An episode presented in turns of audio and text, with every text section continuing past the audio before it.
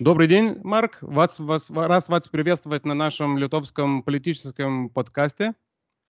Рад приветствовать всех э, слушателей и вас тоже приветствую, всех э, участников подкаста. Эм, всех, которые интересуются э, темой войны в Украине или следят за происшествиями, что там делается, новостями, я так думаю, прекрасно знает ваше э, лицо. Так что таких особенных представлений, мне кажется, оно не, не, не нуждается. Так что давайте я сразу начну от нашей темы, которую мы как будто, э, думая про вас, э, себя сформулировали в голове. Мы думаем с вами поговорить э, о теме, как российская война в Украине влияет на саму Россию и какие последствия эта война несет самой России. Угу. Как вы думаете? Ну, а, это многоаспектная тема. Да. Вот, потому что э, в ней есть и военная составляющая, большая такая политическая, экономическая и, я бы сказал, геополитическая. Что касается военной темы, э, безусловно, война отражается на, э, прежде всего, России как э, э, источник ее надежд на победу. Он не оправдался, это важный момент. Э, безусловно, война является инструментом политики нынешнего Кремля. Это не какая-то исключительная мера, это обычный э, способ для достижения цели. Ни переговоры, ни дипломатия, ни экономическое сотрудничество, ни что бы то ни было еще, а именно война. Прежде всего по отношению к странам бывшего СССР с целью имперского их захвата, присоединения, оккупации и так далее, это ни для кого не секрет. Uh-huh. А, значит, э, безусловно, э, вопрос э, имеет и экономическое измерение, потому что с неизбежностью то, что происходит сейчас, с экономическими санкциями, изоляцией и всем остальным, сказывается на экономическом положении России. Потому что, ну, эмбарго, например, нефтяной и ожидаемое газовое эмбарго, если оно войдет в седьмой пакет и будет действенным, то, безусловно, это делают Россию беднее, делают Россию угу. менее а, экономически дееспособной. Это очевидно, потому что а, Россия является частью и потребительского мира с точки зрения социально-экономической, и с точки зрения ну, глобальной энергетической частью этого э, обеспечения энергоресурсами. Ну, прежде всего ими, потому что у России очень мало что есть предложить в экономическом, макроэкономическом смысле миру, кроме своих ресурсов. И выключение России из этого, ну, если хотите, спенсерианского разделения труда, Россия ресурсом и технологий, да, означает, что Россия будет э, становиться еще более бедной, еще более менее способной выживать в глобальном мире. Это будет вести, в свою очередь, к изоляции и всему остальному. Мы это уже видим. Это не то, что где-то когда-то будет происходить. Уже сегодня, там, не знаю, с точки зрения финансовых институтов, Россия является изолированным островом, потому что отсутствие платежных систем, э, санкционные банки, а, отключение от SWIFT этих санкционированных банков, это, безусловно, влияет на изоляцию. А, эта частность, но она определяет очень много. Не говоря о том, что а, Россия, которая была значительным держателем ценных бумаг американских, например, они сейчас заморожены, 350 миллиардов долларов российского ЦБ заморожено в Америке. Влияет это на экономику России? Да, несомненно она все время находится в преддефолтном состоянии, поскольку не в состоянии же платить э, по своим обязательствам финансовым. Так что экономически тоже война влияет, мы это видим. Она влияет и социально, потому что население становится тоже беднее. Выше цены, больше безработицы цифры и, э, скажем так, большая непредсказуемость того, что будет происходить. Потому что э, Россия милитаризуется, то есть все подчиняется системе военно-промышленного комплекса, который необходим для того, чтобы продолжать войну, да еще и постоянно э, готовится к э, возможной новой войне, потому что Россия де-факто воюет не с Украиной, она воюет со всем миром, потому что Украину поддерживает коллективный Запад, цивилизованный Запад, и это означает, что Россия вступает в фазу, когда люди нужны как боевые единицы и как единицы производственные никак не по-другому. То есть э, штыками измеряется все и э, производственными возможностями, да, личным составом и производителями в качестве э, наемных работников, которые используются населением. Вот это очень важная перемена, потому что э, до этого воспринималась Россия как, пусть и очень особенную, часть потребительского мира. Угу. И точно так же были потребительские ценности, Россия двигалась по этой шкале вверх, там медленно очень, да, зигзагами, но все-таки обыватель в Москве не сильно отличался от обывателя в Вильнюсе или же в Вашингтоне. Он хотел иметь девайсы, он пользоваться да, хотел хорошими автомобилями, э, хорошей компьютерной техникой, бытовой техникой. Это же свойство потребителя в 21 веке. И вот от всего от этого теперь э, российский потребитель отрезан. Это надо переосмыслить. А что означает исчезновение этого потребительского мира? Так что с социальной точки зрения это гигантская трансформация. Человек, который начнет удовлетворяться минимум. Так что вот эти аспекты главные, но есть и геополитический последний аспект. А какого места в мире? В России самой заявляют, что в результате войны мы становимся самостоятельной цивилизацией. Ну, как бы двигались, двигались к этому, и вот, наконец, оформились. Война является определяющим признаком. А другие же скажут, что она находится в вассальной зависимости от Пекина, и это просто движение к окончательному растворению внутри этого огромного надвигающегося на него восточного пространства. Это геополитическое измерение, которое имеет свои тоже особенности. Полный ли это разрыв с Западом или частичный? А перестает ли Россия быть э, страной субмаргинальной еще и с паневропейским элементом или не перестает? Но это пока открытые вопросы в зависимости от исхода войны они будут решаться. Да, именно. Вот вы э, захватили такой обширное сразу объяснение этого такого э, влияния войны э, теперешней на будущее и, и, и не только будущее, уже и теперешнее ситуацию теперешнюю в России. Но я бы хотел чуть-чуть, если подробить, ну, и нюансы поставить, скажем, да, на, на этой нашей теме. Эм, такого издалека такой вопрос задать, который, мне кажется, имеет две такие стороны. Например, сперва я хотел бы спросить именно э, как вас лично, ну, ваше личное мнение, как человека образованного, человека активного, участвовавшего всю жизнь в политической и социальной, значит, деятельности. Все-таки, когда мы говорим про Россию, э, теперешнюю Россию, смотря, и смотрим назад, несколько э, сотен лет назад, у меня появляется вопрос, как вы считаете, вот Россия, да, говорю, произношу слово Россия, государство, какие ее истоки? Откуда ее надо, откуда она выходит теперешняя Россия? Это э, с Киевской Руси, с, древ, с древнероссийской Руси, э, царская Русь или еще какое-то Угу. Но так на этот вопрос окончательного так и нет ответа. В зависимости угу. от э, фаз, которые проходит Россия, периодов, да, а ее история циклична в России. Угу. А, этот вопрос, ответ на этот вопрос меняется. В 90-х годах вам бы определенно ответили, что действительно исток от Киевской Руси, от э, части Европы, которая она в блестящий 19 имперский век являлась его частью, да, несмотря на все противоречия. А в нынешних обстоятельствах кто-то скажет, что да нет, мы наследники Орды, вот, угу. Московского царства. Нам Грозный ближе, нежели Петр. И нам надо и следовало сохранять эту преемственность, и мы бы не мучились этой бинарностью, этой двойственностью, которая действительно России свойственна. Потому угу. что есть какая-то часть европеизированная, население и часть страны и по географии тоже европеизированная. Ну, сложно, понимаете, а, где-нибудь на северо-западе, даже в, там, в петербургских болотах, значит, строить мечети или же, наоборот, э, китайские пагоды.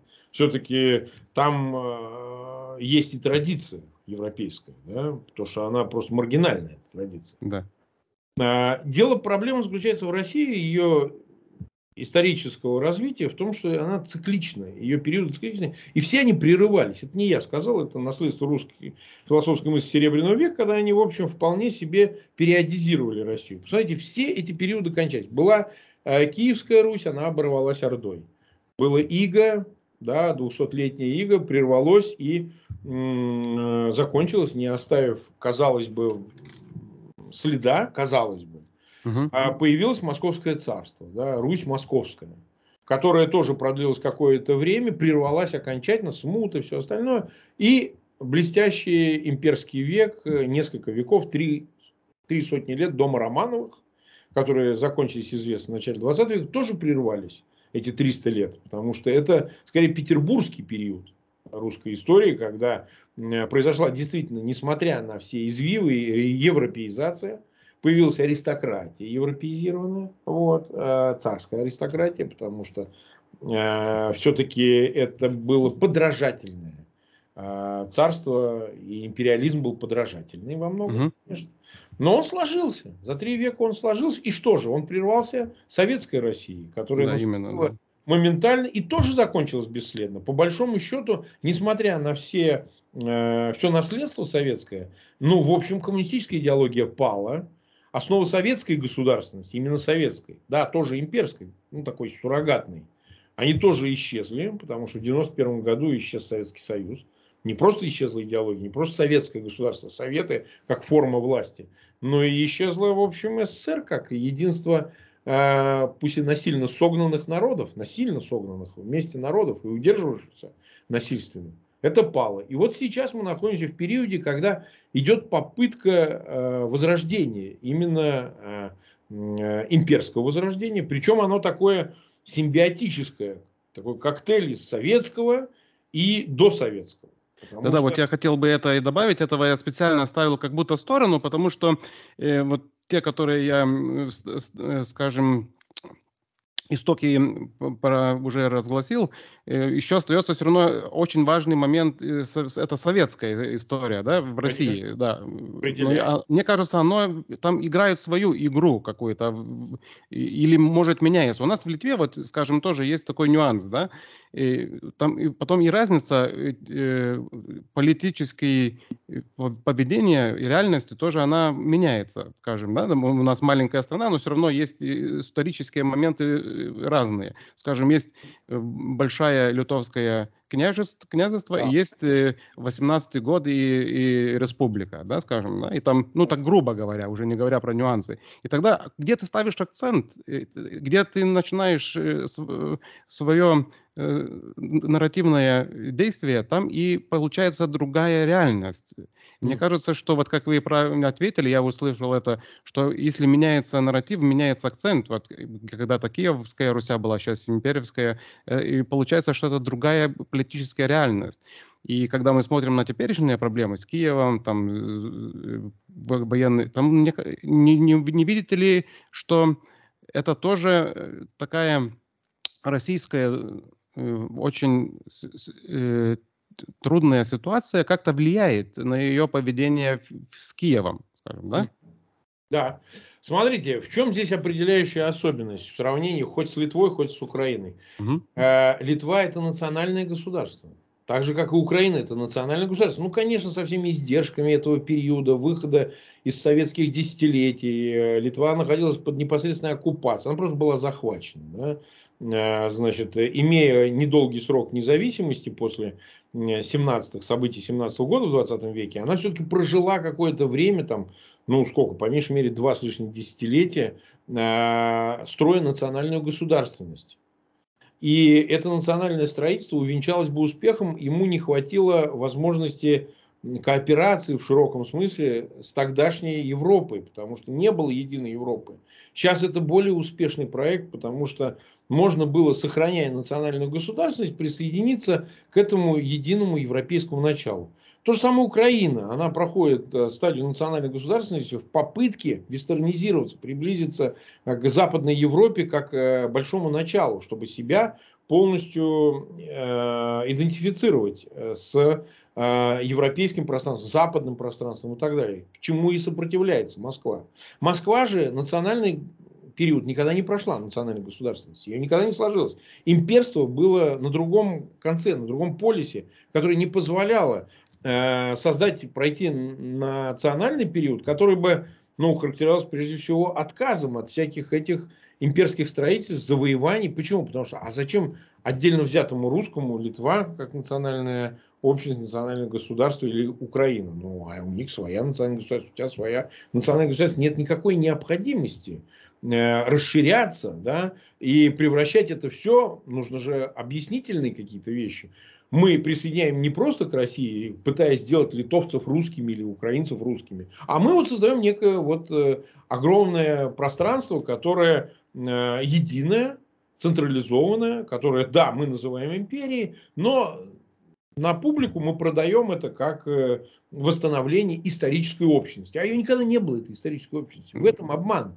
Она никогда не существовала.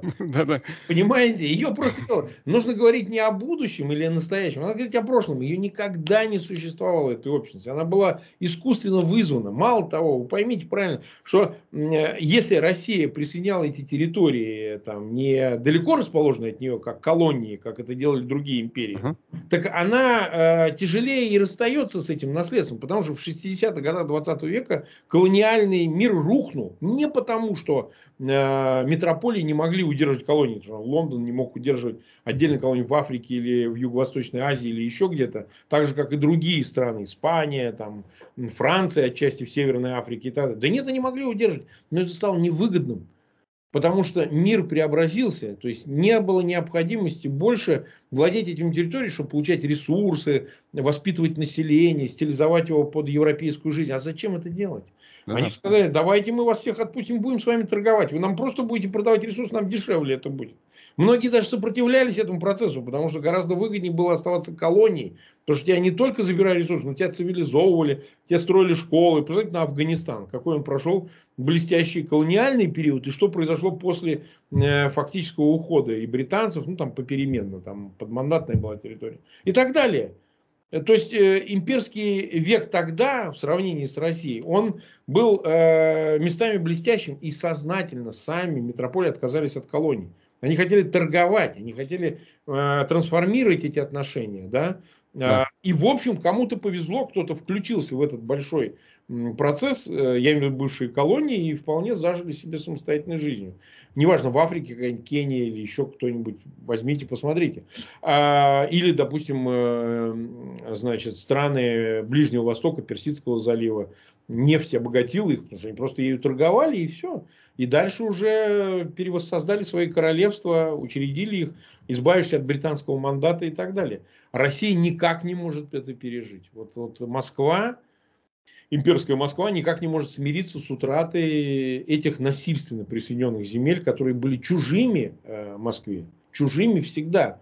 И не только там страны Балтии, это очевидно, да, слишком явно но и страны буквально славянских народов. Вы знаете, огромное число славянских народов, национальных государств живет в Европе и как-то благополучно существует внутри НАТО, внутри Евросоюза, потому что те, в свою очередь, не посягают на их национальное естество. Им вообще наплевать в Европе до того, как строится национальная государственность в Литве или, не знаю, в Польше. Ну, честно говоря, вообще все равно, какая там национальная государственность.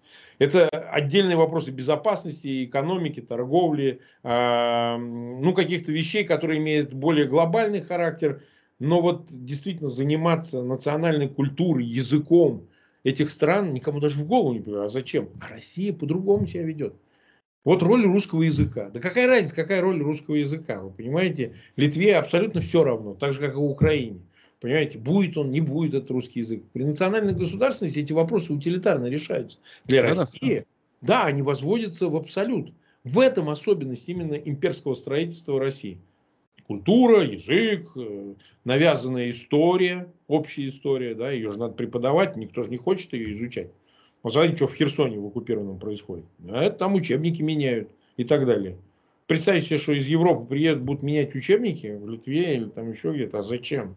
Просто это глупость какая-то вообще. Поэтому на самом деле этот тип э, э, имперства, который продает Москва, он абсолютно не жизнеспособен. Он поэтому и падал раз за разом. А Москва с усилиями, насильственно все это пыталась восстановить. Вот мы сейчас присутствуем ровно при этой фазе. Но она акматическая, она заканчивающаяся. Потому что сил на нее уже все меньше. Заметьте, какой регресс происходит. Какой была имперская Россия 300-летняя, потом советская, квазиимперия, большевистская империя, да, э, с попыткой, значит, э, э, передела всего земного шара. Все это рухнуло, и сейчас уже более скромная попытка лишь бы захватить Украину. То есть цели скукоживаются. Вот. Все меньше становится, да.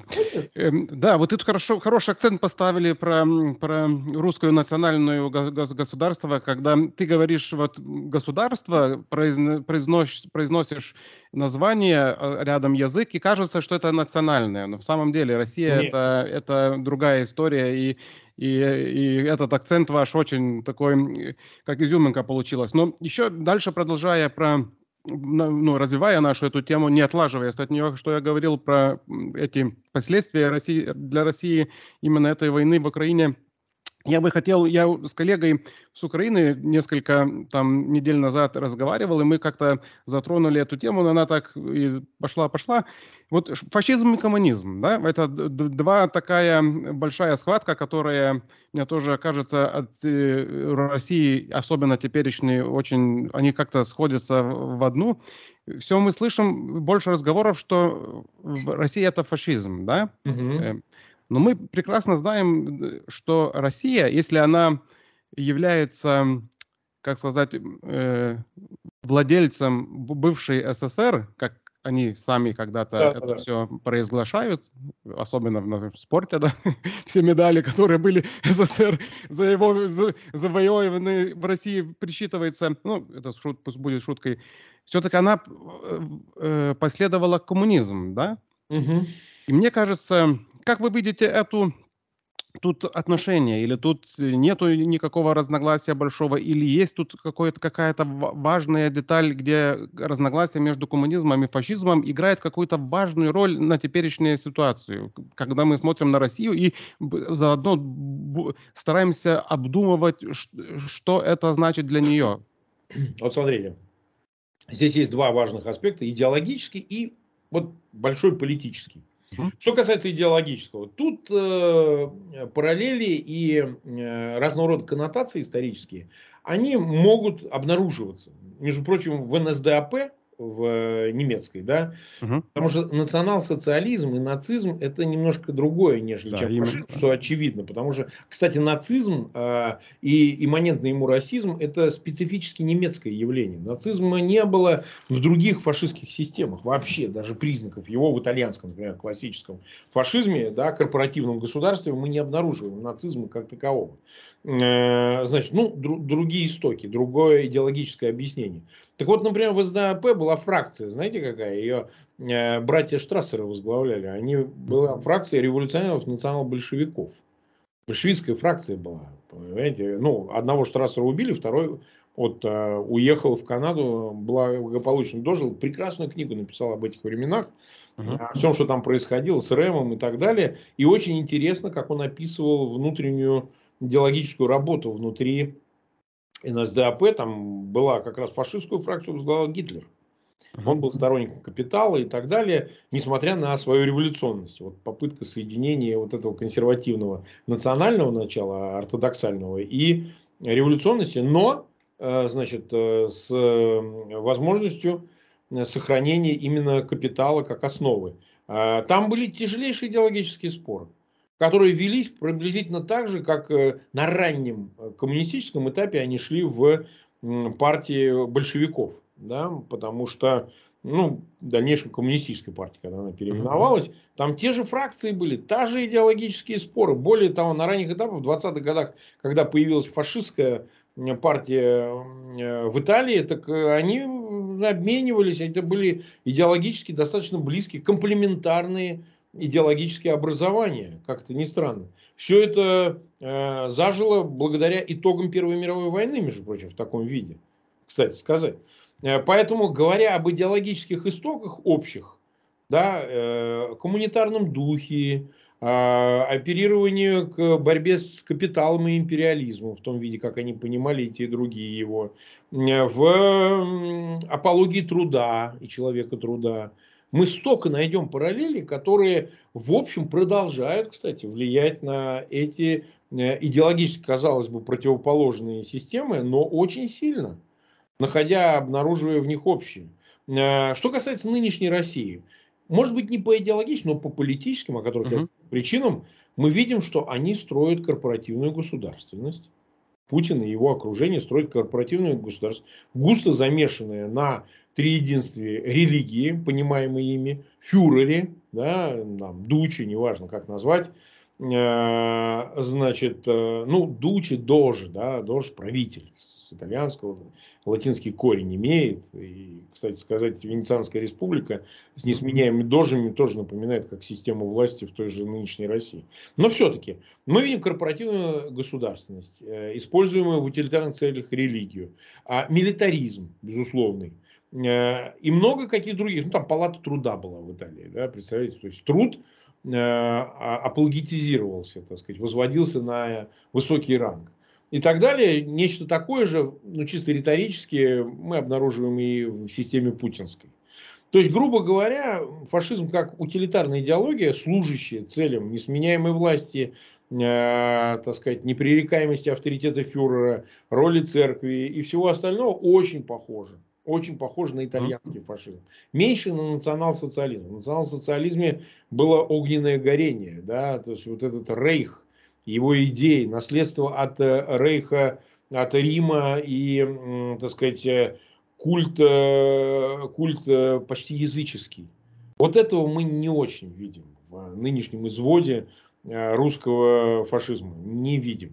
Лишь отдельные элементы именно фашизма. Да-да, именно потому что как смотришь на теперешнюю Россию, и когда ее обзывают фашизмом, если так ну, аналитически, академически смотреть, это выглядит более как... Ну, карикатурно, более карикатурно. Да, вот карикатурно. И, и, и иногда вот тогда вот я замечаю, не знаю, может я не прав, вы меня тогда, если что, э, правильное э, русло поставьте, что когда иногда называют Россию, э, э, скажем, этим нацистическим режимом, они как раз получают такую маленький козырь, скажем так, как минимум, mm. на оборону. Да? Они против фашизма, они себя не, с этим не, не как будто они, они не, неприкосновенны с ним, и они имеют, э, ну, если не козырь, то хотя бы направление, как себя оправдывать, да, что они правы, что нацизм где-то в другом месте, что они э, какие-то э, другие, то есть они те, которые правильные были в коммунистической, с коммунистической стране, потому что коммунизм, как мы знаем, не потерпел э, всенародного, э, да, всенародной рефлексии, скажем так. Да, да, мы не, не обдумывали, не, отрекли, не, отрекли, не было рефлексии, что коммунизм сделал на Второй, мировой, Второй мировой войне, особенно после Второй мировой войны. Да, да, да. А, да, этот э, урок не, не преодолен. Он не преодолен, потому что не случилось э, такого, я бы сказал, исторического отказа от этого периода, который случился, кстати, в Германии потому что эти 13-летнее правление нацистов, оно э, из государственной, из исторической, из э, политической точки зрения изъято из истории Германии. Не изъято сопротивление, так сказать, не изъято культура, не изъята э, сила духа народа, потому что э, на это нету табу. Нету угу. в немецкой истории, в немецком политическом понимании этого периода. В России вообще все э, реципировано, то есть принято обратно. Сталин, как Александр III, это практически герои нынешние, понимаете? То есть органическое единство, на которое молится нынешний правящий класс, э, оно же как бы и предполагает, что все в кассу, все в кузовок пусть полезает, и то, и другое. Мы из всего извлечем э, положительное и оправдаем. Угу. Все оправдаем. Неважно, э, э, пакт Молотова-Риббентропа или же э, русификацию насильственно присоединенных после уже Второй мировой войны стран Балтии или еще что-нибудь. Мы все оправдаем. Мы все оправдаем победой над фашизмом. Мы да, именно. Видели? Угу. И поэтому мы в праве своем были, значит, как утюгом отгладить все доставшееся нам в качестве трофея, это и территории, страны, народы, до степени, которая бы оправдывала э, то, что мы избавили их от фашизма. Это мнимое было достижение, -то, понимаете? Народы сопротивлялись, там, неважно, в Литве или в Украине, там, до начала 50-х годов сопротивлялись, они просто не хотели, они не желали, понимаете? Просто вот не желали жить в этой советской системе, и никакие оправдания, и в этом есть как бы лукавство что это как бы избавление от фашизма, они не работали, потому что народы стремились к независимости любыми путями. Ровно поэтому бессмысленен спор о том, а вот были ли они там с нацистами. Да они хоть с чертом пошли эти народы, лишь бы не оставаться с коммунизмом. Вот и все. И призом не могло быть то, что мы присоединяем эти народы, делаем их своими, э, так сказать, в едином государстве, потому что мы их избавили от фашизма, который в свою очередь э, менял их историческую и национальную сущность этих народов. Да? Очень удобно сейчас всех бойцов УПА или литовской резистенции а, значит, относить к нацистам, что они были коллаборантами, еще чем-то. Нет, они как раз использовали сложившуюся ситуацию войны, большой войны, это и Первая, и Вторая мировая, для того, чтобы добиться независимости. Это была главная цель. Выступали они союзниками нацистской Германии или в отдельных случаях самостоятельно сражались, это уже было средство. А главное была цель независимости, избавления от э, любой, любой оккупации. И, э, безусловно, Москва это оправдывает сейчас все. Как это так? Мы растеряли наследство Второй мировой войны после 91 года, потому что мы в праве своем должны бы были бы сохранить эту государственность единую, потому что она досталась нам как приз за победу над нацистской Германией. И то есть не возникает вопрос о том, что это все насильственно было достигнуто. То есть э, по существу никакого единства не было никогда.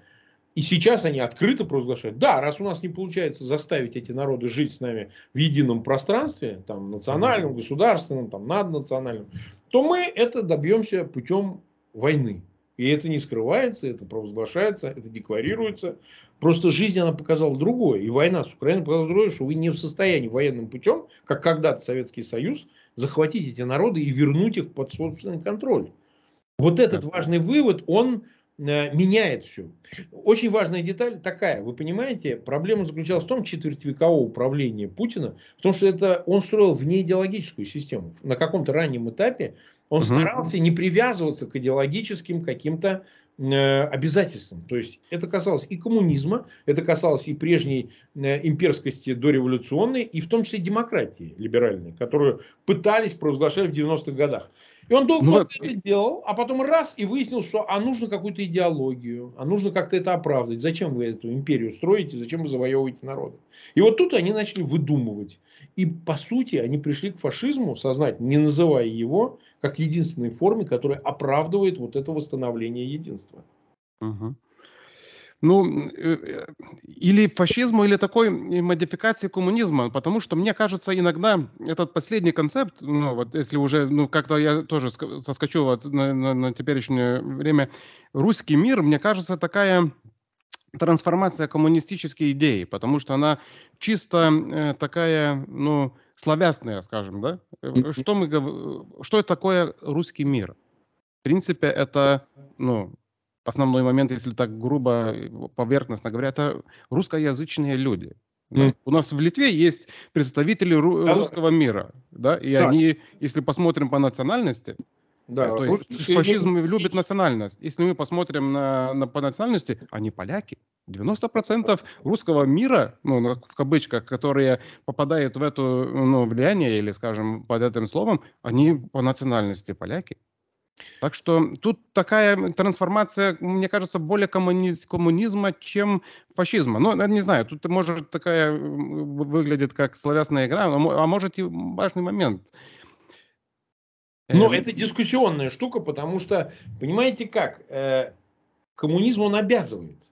Все-таки коммунизм не мыслим без вот этого идеологического нарратива, очень жесткого, да, э, предполагающий, в общем, э, ну, как бы социальное преимущество, э, распределение, да, э, ну, в общем, цели, которые э, четко означены, да, угу. э, и это цели, в общем, борьбы с капитализмом и создания, ну, как минимум, социалистической модели.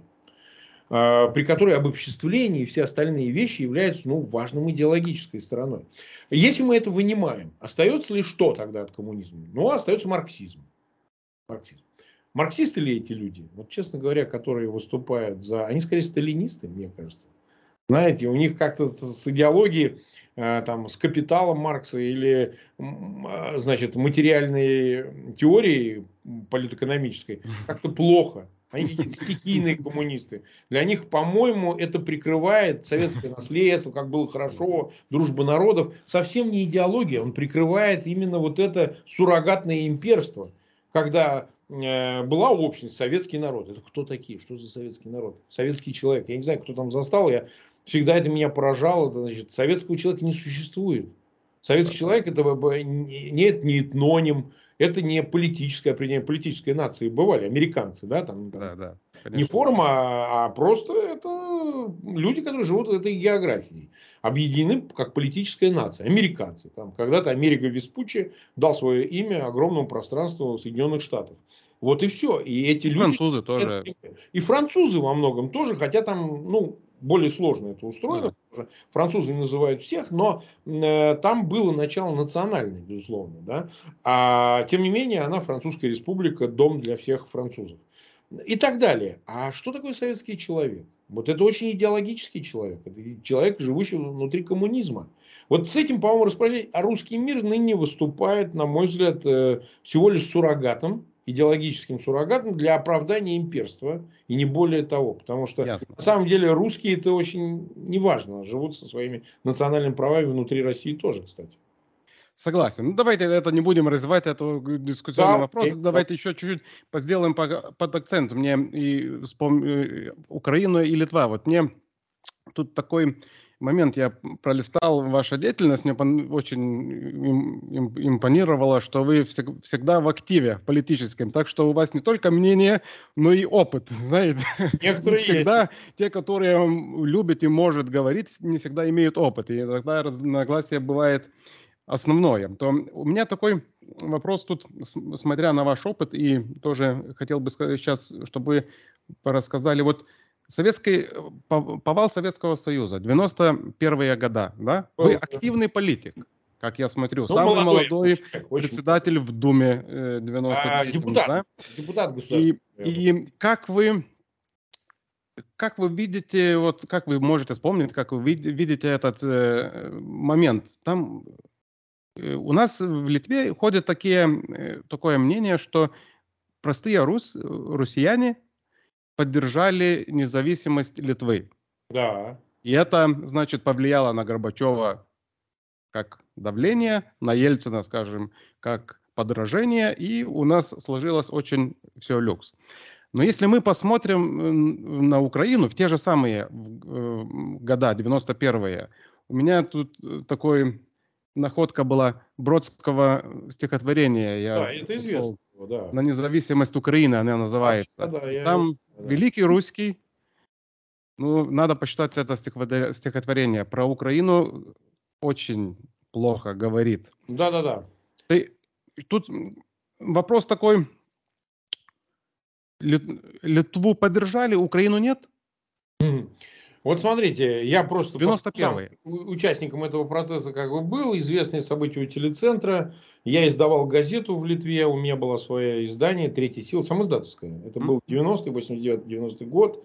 А к Литве испытывали действительно, скажем так, в просвещенном классе, в России, да, вот люди интеллигентные и так далее, какое-то особое трепетное отношение, ну, так же, как и к Латвии, там, и к Эстонии, в принципе, не разделяли, как-то воспринимали страны Балтии Э, как единое целое, а это ощущение было ну, вызвано э, неким угрызением совести за то, что действительно столь жестоко преследовано при Сталине была уже э, в конце 30-х, ну, в 40-х годах, уже в канун войны, Э, три страны Балтии, как с ними расправились и так далее. Это чувствовалось только в просвещенном классе.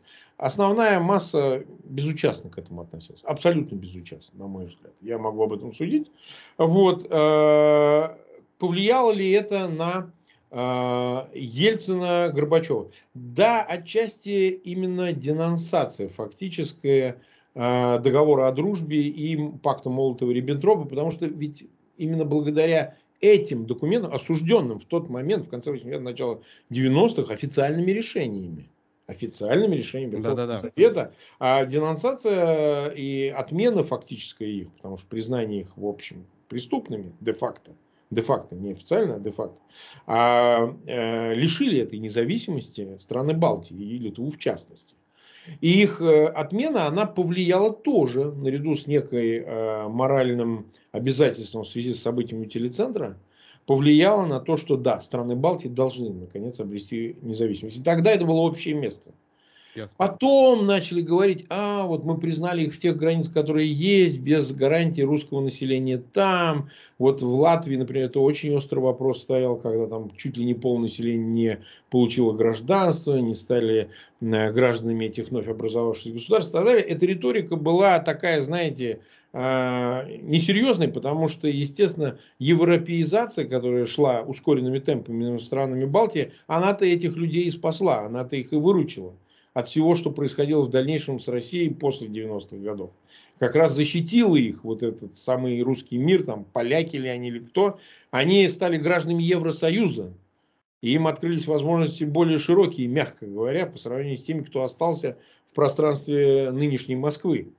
Но бог с ним. А, я думаю, что повлияло вот эти факторы, наряду, с, конечно, с общей обстановкой. А как было удерживать Литву, Латвию и Эстонию? А как было удерживать?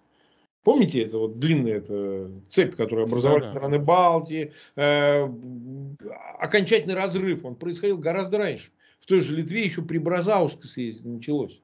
Говорить о том, что это позже это раньше началось.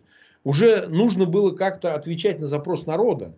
Уже невозможно было изображать чего-то, что мы тут в каких-то процедурах Советского Союза участвуем все эти дискуссии в Верховном Совете СССР, они уже вели, по сути, к тому, что страны Балтии с неизбежностью, а, с неизбежностью не останутся вообще ни в каком виде в зоне влияния Москвы. Вообще ни в каком.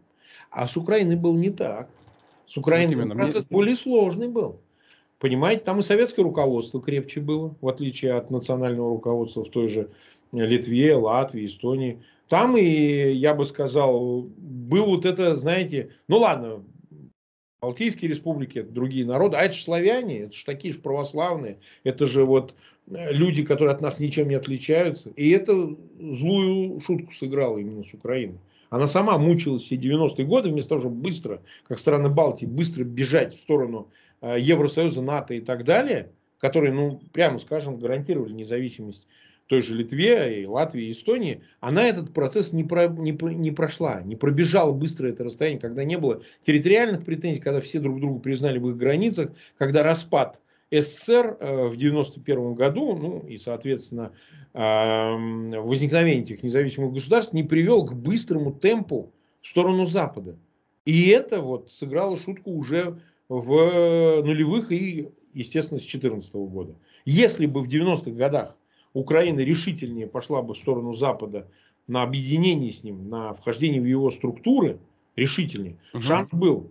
Шанс был и у Грузии. Был шанс, да? Был шанс. У Украины угу. точно был шанс, потому что до всех территориальных претензий, до всего выяснения отношений с Крымом нужно было потратить время резко на то, чтобы интегрироваться в западное сообщество. А там это не происходило, потому что постсоветские политики, и Кравчук покойный, и э, его сменщик Кучма, который с ним работал, они, в общем, э, избрали осторожную линию, потому чтобы не злить Москву, но, с другой стороны, двигаться по-медленному, но э, в сторону Запада. Они да, и не смогли. Нужно было быстрее это делать. Ев, э, страны Балтии, Литва, просто их невозможно было остановить. Они просто были более решительны. И вот результат. Да, я, тут у меня вот возникает заодно, я был написавший в другой в другую тему, но мы вот как вот акцент сделали вот на эту медленную, такую осторожную э, позицию. У меня сразу мысли сложилась такая, может их, э, э, как сказать, спутала Ельцин, та политическая ситуация, которая была, потому да, что ведь думали, что у меня был такой вот вопрос у вас отдельный, ведь вы были депутатом Думы да? во времена руководства Ельцина, да? да? Ведь может быть тогда были надежды, что все-таки Россия будет демократическая страна и Украина купилась на эту этот мираж, скажем так, ну я сейчас не знаю, может не мираж, может в самом деле был, был шанс и для России те года. Как вы видите эту снутри даже? Не, ну это очевидно. Это очевидно. Вот для меня изнутри процесса я состоял во фракции «Выбор России», возглавляемый да. Даром. Он, э, там у нас министры сидели, так сказать, там Чубайсы, Козыревы, они все были членами фракции. Это была либеральная фракция. либеральная, ну, с, с особенностью, там много было людей, там почти 75 человек было изначально, да, и это были разные совершенно люди, вот, с разными взглядами, но тем не менее, в целом, это была э, проправительственная на начальном этапе угу. партия и фракция в Государственной Думе, которая как раз должна была заниматься реформами и поспособствовала этим реформам. В том числе и политическим, кстати сказать. Не только экономическим, хотя в них был приоритет. И, конечно, на это купились не только украинцы, мы сами купились, вы понимаете. На начальном этапе всем казалось, что Ельцин действительно сможет, ему удастся изменить Россию, привести ее в цивилизованный мир, прекратить это тяжелейшее наследство советское и коммунистическое идеологическое наследство. Да, эта иллюзия была, надежда на это были. И выглядело это так, что этот процесс уже пошел. Что возврата к прошлому не может быть, потому что оно немыслимо. Да? Но этот самообман, он продолжился, в общем, если так смотреть, не очень долго. До Недолго, да? 90-х. Да, я думаю, что уже когда он выбрал в качестве фактического преемника, он выбирал из трех. Примакова, Путина и эм, э, Степашина. Все трое выходцев из КГБ. Ага. Это уже многих смутило. Я вот, например, так сказать, как и многие, не только не голосовал против Путина, я вообще не ходил на эти выборы 2000 года, но и отношение к Ельцину одномоментно изменилось. А почему именно его он выбрал? Не, е, не какого-нибудь Немцова, не там кого-то еще, даже пусть советского начальника Черномырдина или покойного uh Алексашенко был такой, ой, не Алексашенко, а Аксененко, Аксененко, он РЖД возглавлял, был собутыльником Ельцин, они вместе. Вот. Но он почему-то выбрал именно из системы э, КГБ. И это было очень угрожающим сигналом, и вот так оно все и получилось. То есть ни в коем случае нельзя было оставлять ситуацию, расправиться как бы с КПСС, как ядром этой системы, но не расправиться с КГБ. И это было и ошибкой, и преступлением. Ельцин совершил преступление. Безусловно, это не просто ошибка. Да, это политически большая ошибка, но это еще и преступление. Он сделал этого человека преемником и сделал все для того, чтобы он стал этим преемником. Он ушел раньше со своего поста, чтобы уступить место и обеспечить комфортный переход власти именно Путину. Да, да. Он Там эту вину. У него была еще, наверное, вторая каденция в середине, если я правильно помню, где-то там, да? Он 96-й, в шестом году, мне кажется, вторая каденция была Ельцина. Да, Ельцин, да, он, он, летом 96-го, да. Да, он вышел, он, мне кажется, в 99-м году ушел с поста. Смотрите, а тут такой у меня тоже есть, и, и, и с вашим время у нас поджимает, то я так некоторые блоки в одну э, хочу стянуть, но все равно не могу обойти этот вопрос. Э, значит, вы увидели эту, скажем, побыли в Думе в тот момент, когда были надежды, потом пошли в Самару.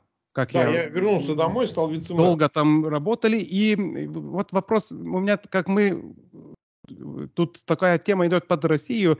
Как вы видите, ведь Путин пришел как раз, э, вы были, как скажем так, на местном уровне все равно да. ну, важном посту. Да, безусловно. Заместителем мэра, да? Сколько, да, да, если это правильно я так, знаю. Да, да, да, да. 10 лет, и да. Путин уже в власти. Да? Вы тоже как будто не совсем уже так близко, но сдалека видели, как это все развивается.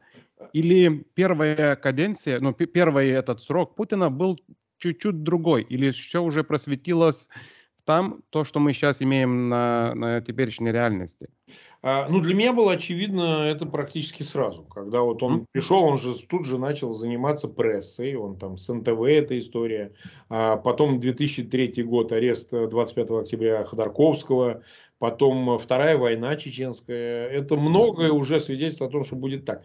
А, я досиживал по инерции, потому что дело в том, что муниципальная власть долго сопротивлялась. То есть мэров uh-huh. выбирали, и мэр, э, замом у которого я был, его дважды выбирали, и он как бы, э, ну, скажем так, э, некоторая автономия еще была в начале нулевых некоторая автономия, фактически закружила муниципальную систему года с 2005. Ну и практически в 2006 я де-факто ушел. Мне просто дали полгода, я отсидел и формально уволился в 2007. Уже другой мэр пришел, и как бы я просто досиживал, а, ничего не делал. Фактически до 2006 года у меня была возможность. А, муниципальная власть, она очень долго в отличие от губернаторов, которых начали назначать после 2004 года, она сохраняла эту автономию. И поэтому еще можно было существовать, ну, в каком-то режиме э, до середины нулевых, скажем так. Угу.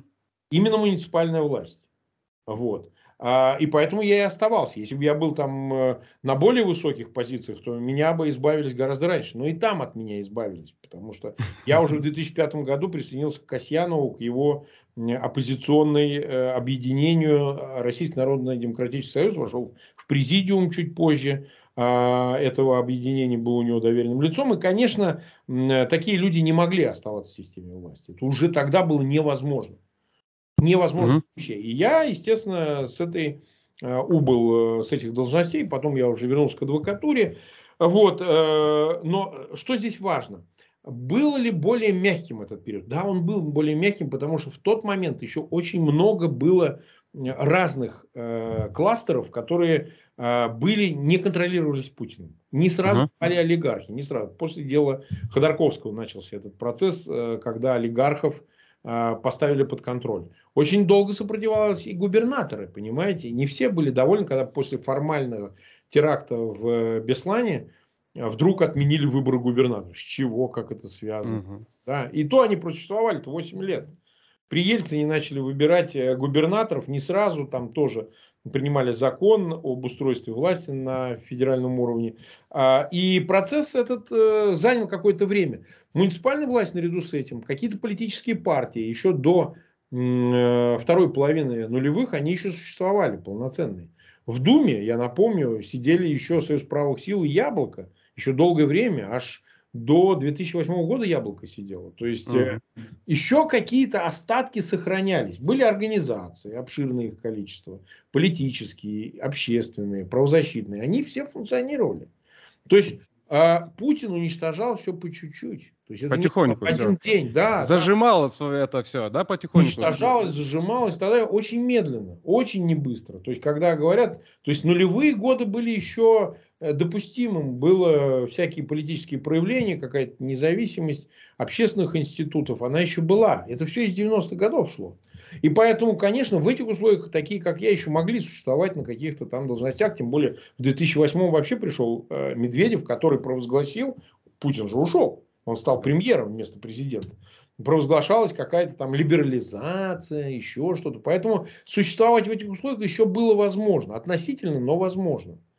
Да? То есть все резко изменилось, скажем так, одномоментно в 2012 году, когда Путин вернулся.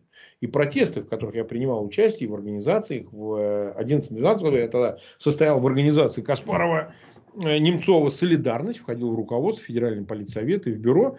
Да, еще можно было э, каким-то образом организовать протест. Сейчас это немыслимо абсолютно, вообще невозможно. Даже еще 3-5 лет назад вообще немыслимо. А тогда это было возможно в 2011 году организовать протесты и эти митинги э, на сотни тысяч людей. Это было все. Поэтому на самом деле периодизация тут тоже есть. Путин медленно уничтожал э, гражданское общество, э, фронту, всякую политическую оппозицию, э, независимые э, источники инициативы внутри самой власти. Это не сразу произошло. Долгое сопротивление да. было. Да, много еще вопросов осталось, а я смотрю, уже у нас почти час накап, накапал, но сейчас до, до, до того момента, пока мы сейчас поговорили, то мы уже много, мне кажется, наши зрители узнали и про Россию, как она исходит и как она обстоит сейчас и про вас, который участвовал в модерной истории России, политической России. Так, и тут такой сейчас будет грубый вопрос у меня. Давай, давай. Мы уже поняли кое-что про Россию и про вас, и тогда сейчас я говорю, так сейчас что происходит, смотря на войну в Украине, которую ведет Россия, это что такое? Это тектонный разрыв в России или э, э, еще очередная э, какая-то трансформация режима, который он более-менее все что-то хочет стянуть и больше развиваться дальше? Или все-таки будет разрыв? Тактический, опять, как вы говорите, цикли, или циклический, или, не знаю, окончательный, и все повалится. Тектонический. А, смотрите как, с точки зрения самой власти, она качественно уже всего достигла, только количественно будет расширяться. Репрессии, дальнейшее уничтожение, скукоживание оставшихся свобод частных, например, свобода выезда и въезда и интернет. Это последнее, что остается. Как только они падут, это будет полностью тоталитарный режим. То есть уже законченный. Сейчас это авторитарный режим с отдельными тоталитарными элементами, но важнейшими, они нарастают. Милитаризация этому поспособствовала, потому что и появились формальные предлоги. Военная цензура, изоляция, а, контроль за границами и так далее. Но пока еще какие-то лазейки остаются, но их все меньше. На глазах они тают. То есть как только это все будет интернет закроют э, окончательно, как в Китае, там, через фаервол, или закроют границы, нужно будет получать выездные визы, как это было в Авере, то можно будет э, констатировать, что все как бы это вернулись полностью, целиком уже к тоталитарной модели. Вот, и этот процесс идет. Но, повторяю, вектор задан, вопрос только количественный. Что касается, какой процесс переживает Россия как таковая, да, с учетом войны. Потому угу. что если бы, кстати, войны не было, все бы было бы точно так же. Шло бы да. в этом направлении. Война просто убыстрила и усугубила этот процесс, огрубила его. Э, война создала риски для системы. Вот угу. особенность. То есть она-то двигалась, двигалась, думала, что все будет идти как идет. Мы придем обратно фактически к Советскому Союзу, ну просто в другом в другой парадигме несколько, да, то есть без этой обобщисленной собственности, с э, контролируемым госкапитализмом и так далее. И вдруг вот война окончилась не так, как планировали. Вот действительно хотели захватить и уже расширять пространство. Белоруссия и без того контролируемо. Вот тебе Украина, и мы делаем триединый этот союз, который будет напоминать СССР, отчасти, отчасти Российскую империю, а фактически Путинскую империю. Мы ее будем э, значит, э, создавать из имеющегося ресурса, территориального, геополитического и так далее. И вдруг это не получилось, дало сбой. Потому что война, которая не закончилась успешно быстро, это, безусловно, сбой. Угу. И вот тут начались процессы, которые пока еще подспудные, пока мы не видим. Ну, это всего касается, начиная от здоровья Путина и заканчивая э, состоянием армии российской. Да? А как ее изменить? Если ты теперь в изоляции, ты как ее модернизируешь? Ты как будешь воевать теперь, не знаю, со странами Балтии или Польши? Ты не в состоянии воевать с такой армией, там не то что э, там э, с странами отдельными, а с НАТО, как они будут воевать? У НАТО 1 миллион 900 тысяч состав. Да, не говоря уже о вооружениях и всем остальном. Как? Куда? На что вы замахиваетесь? То есть сейчас цели действительно скукожились, лишь бы вот хотя бы часть Украины оторвать. Не всю, а вот забрать хотя бы Херсон, Запорожье, Э, Донбасс весь, значит, Донецкую, Луганскую область, ну и как-то удержать Крым. Вот до чего скукожились эти задачи. То есть уменьшились кратно. А в этой ситуации, безусловно, риски возросли. И сейчас, ведь вот сейчас, вот если Путин умрет от рака, вот если вот сегодня, завтра, угу. то это все рухнет.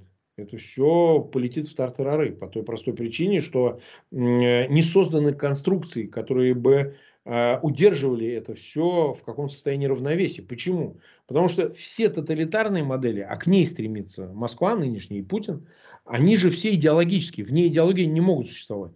И они как раз-таки э, менее долгожительные, потому что авторитарная система может существовать достаточно долго, потому что она позволяет оставлять частные свободы, сохраняет какое-то пространство возможное, автономное для личности. Оно э, редко, когда, значит, слишком паразитирует на территориальных и военных э, претензиях, да? Да, да. потому что надо аккуратнее с этим себя вести, он там какая-нибудь классическая Испания при Франко, да, то есть, ну, зачем воевать за чужие территории? Надо контролировать собственное пространство, смягчать по возможности, да, искать диалога, вот, э, и это происходило с такими же системами аналогичные видения. А здесь-то ведь э, претензия была на расширение, экстенсивные, да, вот новые территории, mm-hmm. соседи, захваты. И это создало риски. Почему? Потому что если вот не станет Путина, а с чего бы это все Запад, Литва, не знаю, там Украина, будут говорить, давайте сейчас не будем Россию рвать на части. Пусть она сейчас вот в свой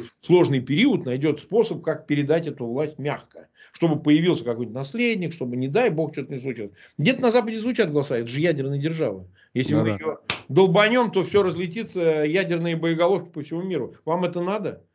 Но только не в условиях войны. Украина, она сказала, о, отлично, мы теперь двинемся в Крым, мы теперь заберем Донбасс, а вообще у нас еще масса претензий территориальных там к Кубани и другим местам. То же самое скажет там, не знаю, Польша, Литва, Германия, Пруссия, Восточная скажет, о, наконец-то. Калининград а, где станет. Калининград. Эти э, японцы скажут, а у нас тоже претензии. И Кавказ что там запылает, и никто, никто не будет помогать Москве сохранить ее территориальную целостность. Слишком много врагов. И даже лучшие друзья, типа Китая, скажут, послушайте, а у нас как бы вопрос есть по Забайкалью, Восточной Сибири, Дальнему Востоку, у нас там масса интересов.